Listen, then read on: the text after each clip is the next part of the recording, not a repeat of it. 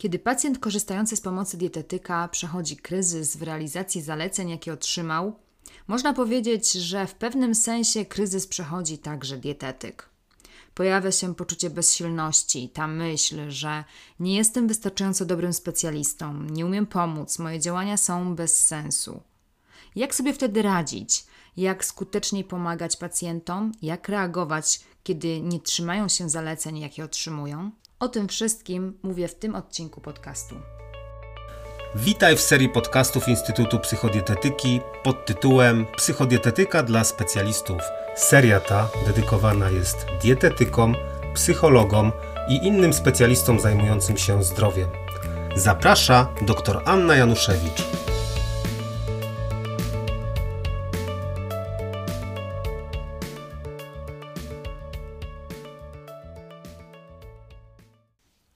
Witam Cię w kolejnym odcinku mojego podcastu. Bardzo się cieszę, że znowu jesteś ze mną. Dzisiaj temat bardzo ważny, temat, który prawdopodobnie stanowi bolączkę każdego dietetyka, każdego specjalisty, który zajmuje się zdrowiem i przekazuje swoim pacjentom zalecenia na temat zdrowego stylu życia, a mianowicie temat kryzysu w realizacji tych zaleceń przez pacjentów.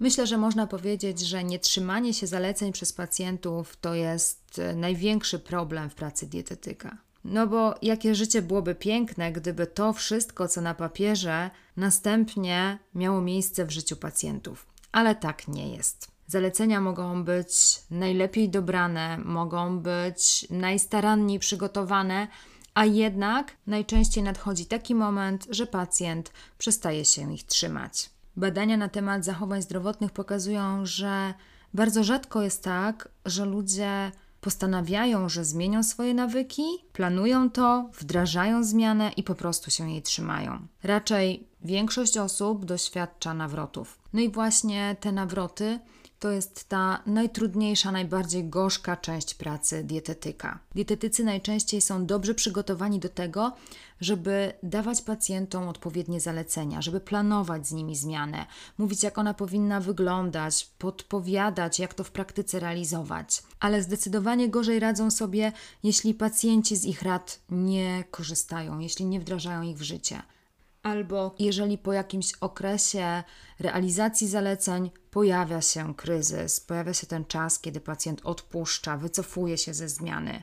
Mamy wtedy poczucie, że to wszystko było bez sensu, że tak fajnie szło, taki żal do siebie, do pacjenta czasami, dużo negatywnych emocji, no i tę chęć, żeby pouczyć go, żeby przemówić mu do rozsądku, zrobić coś, żeby się ogarnął, żeby się trzymał, no bo przecież szkoda, szkoda naszej pracy, szkoda jego wysiłków.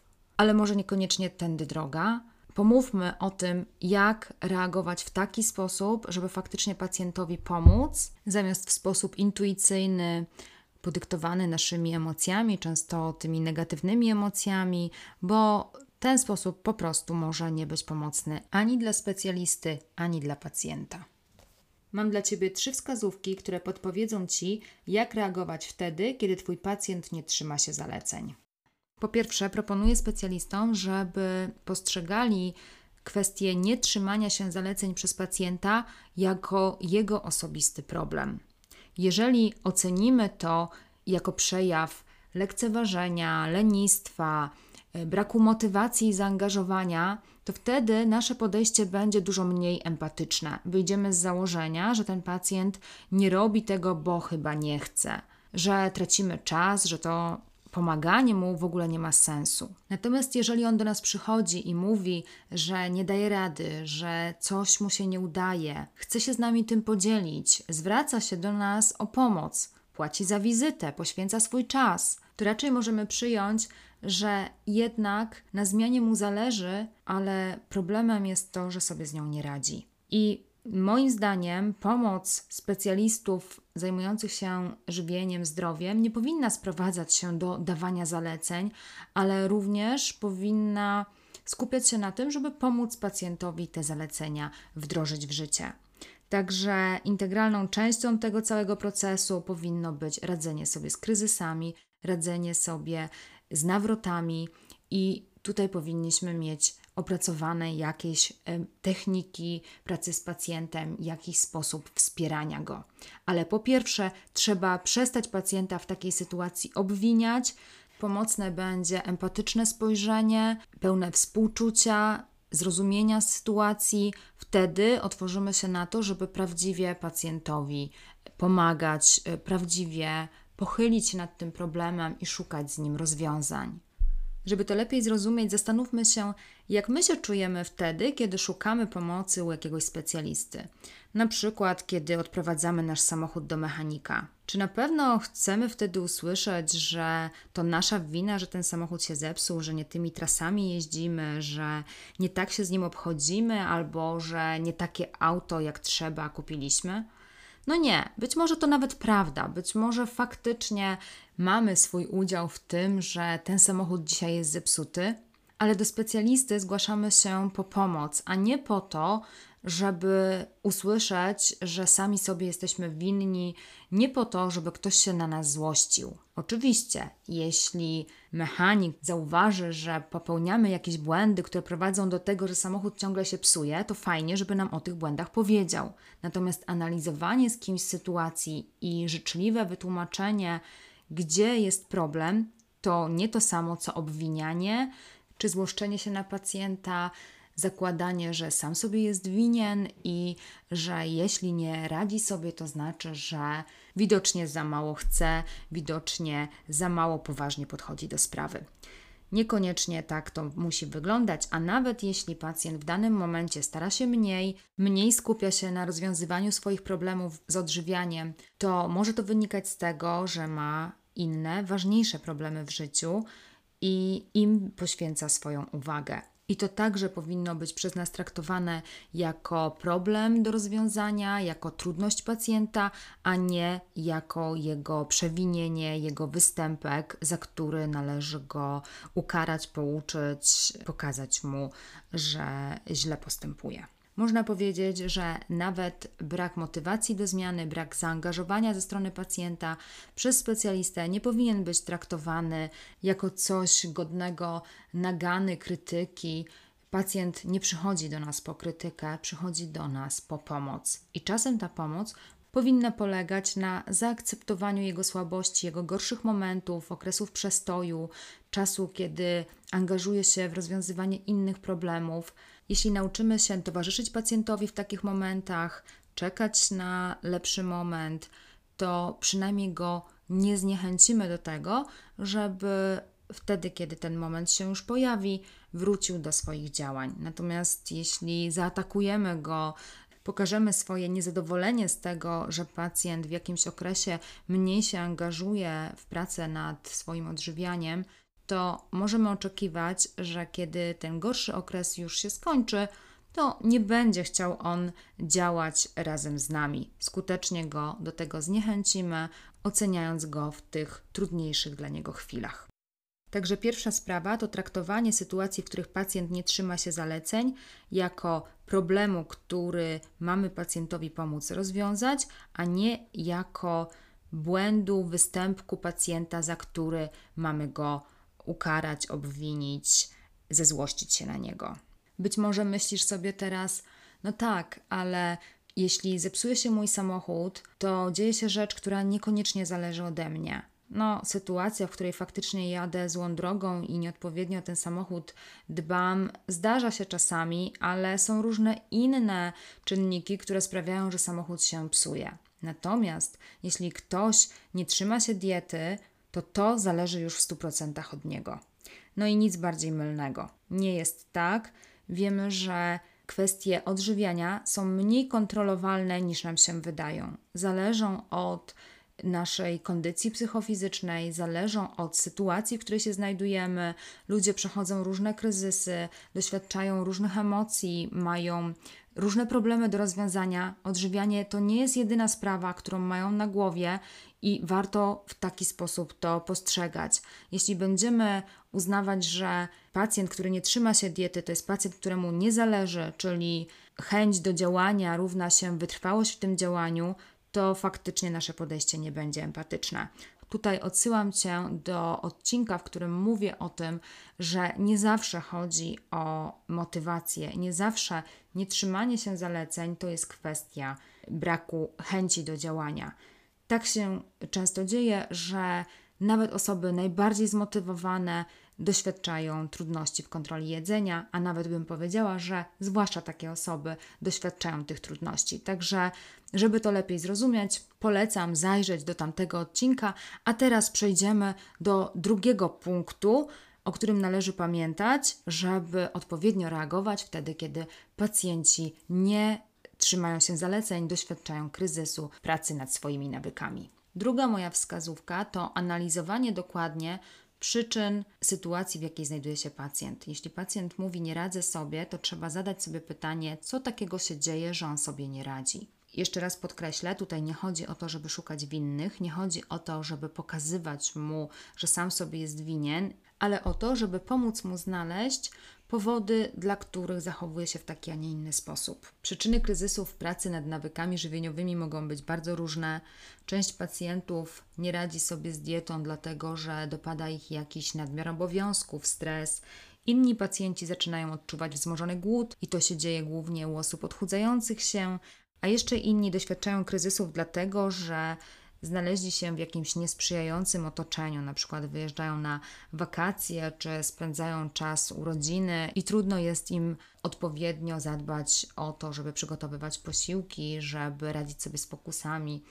Różne są przyczyny kryzysów w pracy nad nawykami, a znalezienie tych przyczyn ma sens przynajmniej z dwóch powodów. Po pierwsze, daje pacjentowi większe poczucie kontroli. Jeśli wie on, w jakich sytuacjach sobie nie radzi, zaczyna rozumieć, jak może wpływać na swoją sytuację. Przestaje też tak bardzo siebie obwiniać. Zdarza się, że pacjenci przez długi czas trzymają się zaleceń, osiągają dobre efekty, na przykład tracą sporą ilość kilogramów i w pewnym momencie zaczynają odpuszczać i tyć. Dla nich jest to bardzo trudne doświadczenie. Oni często mówią o sobie, że stracili do siebie zaufanie, że coś im odbiło i dlatego przestali się w pewnym momencie trzymać diety. Takie definiowanie problemu, coś mi odbiło, nie wiem co się stało, w pewnym momencie przestałem robić to, na czym najbardziej mi zależy, wywołuje poczucie bezsilności. Skąd taka osoba ma wiedzieć, że kiedy zaangażuje się po raz kolejny, to znowu jej nie odbije? Nic dziwnego, że wtedy pojawia się niechęć do tego, żeby wrócić na prawidłową ścieżkę, żeby starać się raz jeszcze. Znalezienie przyczyn problemu, pokazanie w jakich sytuacjach ktoś sobie nie radzi, co jest trudnością, jak można inaczej, pozwala odzyskać poczucie kontroli. Zmniejsza to także poczucie winy, które paradoksalnie wcale ludzi nie motywuje do zmiany, tylko najczęściej paraliżuje ich i sprawia, że nie są w stanie działać. Ustalenie, że nawrót jest przyczyną jakichś trudności, że ta osoba ma prawo do tych trudności, że potrzebuje nauczyć się, jak sobie z nimi radzić, odciąża, a z drugiej strony daje nadzieję, że w przyszłości już takich błędów popełniać nie będzie. Drugi powód, dla którego warto analizować przyczyny nawrotów, to jest poszukiwanie właśnie strategii na przyszłość. Jeżeli nie przeanalizujesz z pacjentem, jakie są jego trudności, to oczywiście nie zaproponujesz mu dobrych strategii radzenia sobie. Inaczej będzie wyglądała praca z pacjentem, który je w emocjach, a inaczej z pacjentem, który je pod wpływem pokus, które są dostępne w otoczeniu. Jeszcze inaczej będzie wyglądała praca z takim pacjentem, który w związku z odchudzaniem cierpi z powodu nadmiernego apetytu czy też wzmożonego myślenia o jedzeniu. Oczywiście samo ustalenie przyczyn problemu nie jest jednoznaczne z rozwiązaniem tego problemu. Trzeba znać odpowiednie strategie, które pacjentowi zaproponujemy. I tutaj kłania się cała wiedza psychologiczna, która bardzo się przydaje w pracy z pacjentem, znajomość różnych technik, metod postępowania Także na pewno trzeba zainwestować w nauczanie się takich metod. No niemniej jednak, żeby je odpowiednio stosować, to trzeba najpierw rozumieć problemy pacjenta, ustalać ich przyczyny i wtedy odpowiednio dobierać te metody. Myślę, że zarówno rozumienie przyczyn problemu z kontrolą jedzenia, jak i dobieranie tych metod to nie jest sprawa łatwa. Dzisiaj tylko sygnalizuję, że jedno i drugie jest bardzo ważne. Bez analizowania przyczyny problemu na pewno nie mamy szansy go rozwiązać. Także druga moja wskazówka na temat pracy z pacjentem, który nie realizuje zaleceń, to zadawanie pytania, dlaczego pacjent nie realizuje tych zaleceń, ustalanie przyczyn i zastanawianie się, jak możemy mu pomóc wyeliminować te przyczyny. I ostatnia wskazówka dotyczy sytuacji, w której rzeczywiście podejrzewamy, że zaangażowanie pacjenta jest pozorne, że przychodzi on do nas nie po to, żeby szukać rozwiązań swojego problemu, ale z innych powodów, na przykład żeby obniżyć swoje poczucie winy, że nie dba o siebie, albo dlatego, że został on wysłany przez kogoś po pomoc do dietetyka i jakoś głupio mu z tego zrezygnować. Takiej sytuacji poszukiwanie metod, które pozwolą pacjentowi lepiej realizować zalecenia, jest po prostu bez sensu, bo być może on w ogóle nie chce realizować tych zaleceń. Jak dietetycy powinni radzić sobie z takimi pacjentami? Może zacznę od tego, czego robić nie powinni. Na pewno nie ma sensu mnożenie różnych rozwiązań, przedstawianie pacjentowi nowych przepisów, e, różnych metod, które pomogą mu lepiej radzić sobie z kontrolą jedzenia, bo on ich po prostu nie będzie stosował. Raczej zasadne będzie tutaj zatrzymanie się na chwilę i zadanie pytania, czy pacjent rzeczywiście jest przekonany do tego, że chce teraz pracować nad swoim odżywianiem. Jeśli po raz kolejny mówi, że w żaden sposób się w to nie zaangażował, że nawet nie zapoznał się z zaleceniami, które otrzymał, że kompletnie nie ma do tego głowy, to może ma na ten moment faktycznie inne priorytety i lepiej zadać to pytanie, lepiej z nim o tym porozmawiać. Może sam ma trudność z tym, żeby się przed nami otworzyć i powiedzieć, że właściwie przychodzi tutaj tylko dlatego, bo wykupił jakiś pakiet albo dlatego że czuje się do tego z jakiegoś względu zobowiązany. Ale kiedy porozmawiamy z nim szczerze, to albo powie, że faktycznie to nie jest dobry moment, albo zacznie się zastanawiać nad tym, dlaczego jednak warto byłoby się zaangażować. Może pozwolimy mu odkryć tę motywację. Warto porozmawiać z nim o tym, dlaczego zdecydował się do nas przyjść. Może w pewnym momencie dostrzegał taką potrzebę, a potem jakoś to wygasło. Może zapomniał, po co to robi. Może jakieś problemy, które przez chwilę były bardzo widoczne, dzisiaj już ucichły i zapomniał o tym, że mogą one wrócić. Na przykład jakieś problemy zdrowotne. Ludzie często angażują się wtedy, kiedy choroba się zaostrza, natomiast kiedy objawy ustąpią, to już nie myślą o tym, żeby dbać o swoje zdrowie, to przestaje być pilne i ta motywacja spada. Także zadanie pytania pacjentowi, czy faktycznie chce teraz pracować nad swoimi nawykami, czy to jest dla niego dobry czas, czy jest na to zdecydowany, czy widzi jakieś korzyści z tego, jakie są aktualnie jego priorytety, może okazać się kluczowa. Niemniej jednak ważne, żeby to zrobić bez pretensji, żeby akceptować fakt, że pacjenci czasem mogą po prostu się wycofać ze zmiany, że nie zawsze odżywianie jest najważniejszym ich celem. I tak jak już powiedziałam, lepiej ten fakt zaakceptować, być z pacjentem i dać mu znać, że jeżeli będzie gotowy, to wtedy chętnie z nim popracujemy ponownie, niż wywoływać jakieś spięcia, obwiniać go i skutecznie zniechęcać do tego, żeby y, kiedykolwiek zgłosił się do nas po pomoc. Także trzecia moja wskazówka to diagnozowanie sytuacji, w których faktycznie zaangażowanie pacjenta jest pozorne, kiedy pacjent nie przychodzi do nas po to, żeby pomagać mu w zmianie nawyków, tylko z jakichś innych powodów. I wtedy warto zadawać mu pytania, które pozwolą mu po prostu podjąć decyzję albo o wycofaniu się ze zmiany, odłożeniu jej na inny czas, albo o prawdziwym zaangażowaniu się. Na pewno nie ma sensu doradzanie pacjentowi, jak lepiej wdrażać zalecenia wtedy, kiedy po prostu nie jest on zmotywowany. Pacjenci muszą osiągnąć pewien stan gotowości do tego, żeby w ogóle jakiekolwiek strategie stosować. Bez tego nic nie zrobimy. Na zakończenie chciałabym podkreślić, że Te wszystkie wskazówki, które przedstawiłam, nie mają nic wspólnego z wywieraniem presji. Na pewno, jeśli pacjent nie trzyma się zaleceń, to niewiele mu pomoże przemawianie do rozsądku, argumentowanie, że powinien to zrobić i wpędzanie go w poczucie winy. Psychologia podpowiada nam raczej, żeby towarzyszyć ludziom w zmianie, żeby podążać za nimi, żeby czasami tę zmianę stymulować, ale z drugiej strony akceptować fakt, że w danym momencie pacjent po prostu nie inwestuje w zmianę i to też jest w porządku. Jeśli dzisiaj zaakceptujemy ten fakt, nie będziemy bez sensu naciskać, to być może w przyszłości zaowocuje to tym, że pacjent z chęcią wróci na właściwą ścieżkę, bo nie zostanie zniechęcony. Po raz kolejny okazuje się, że w pracy z pacjentem cierpliwość i empatia to podstawa. Na koniec życzę więc Tobie dużych pokładów, cierpliwości i jeszcze większej empatii. Wierzę, że to wszystko pomoże Ci być skuteczniejszym i szczęśliwszym specjalistą. Dzięki za wysłuchanie mojego podcastu.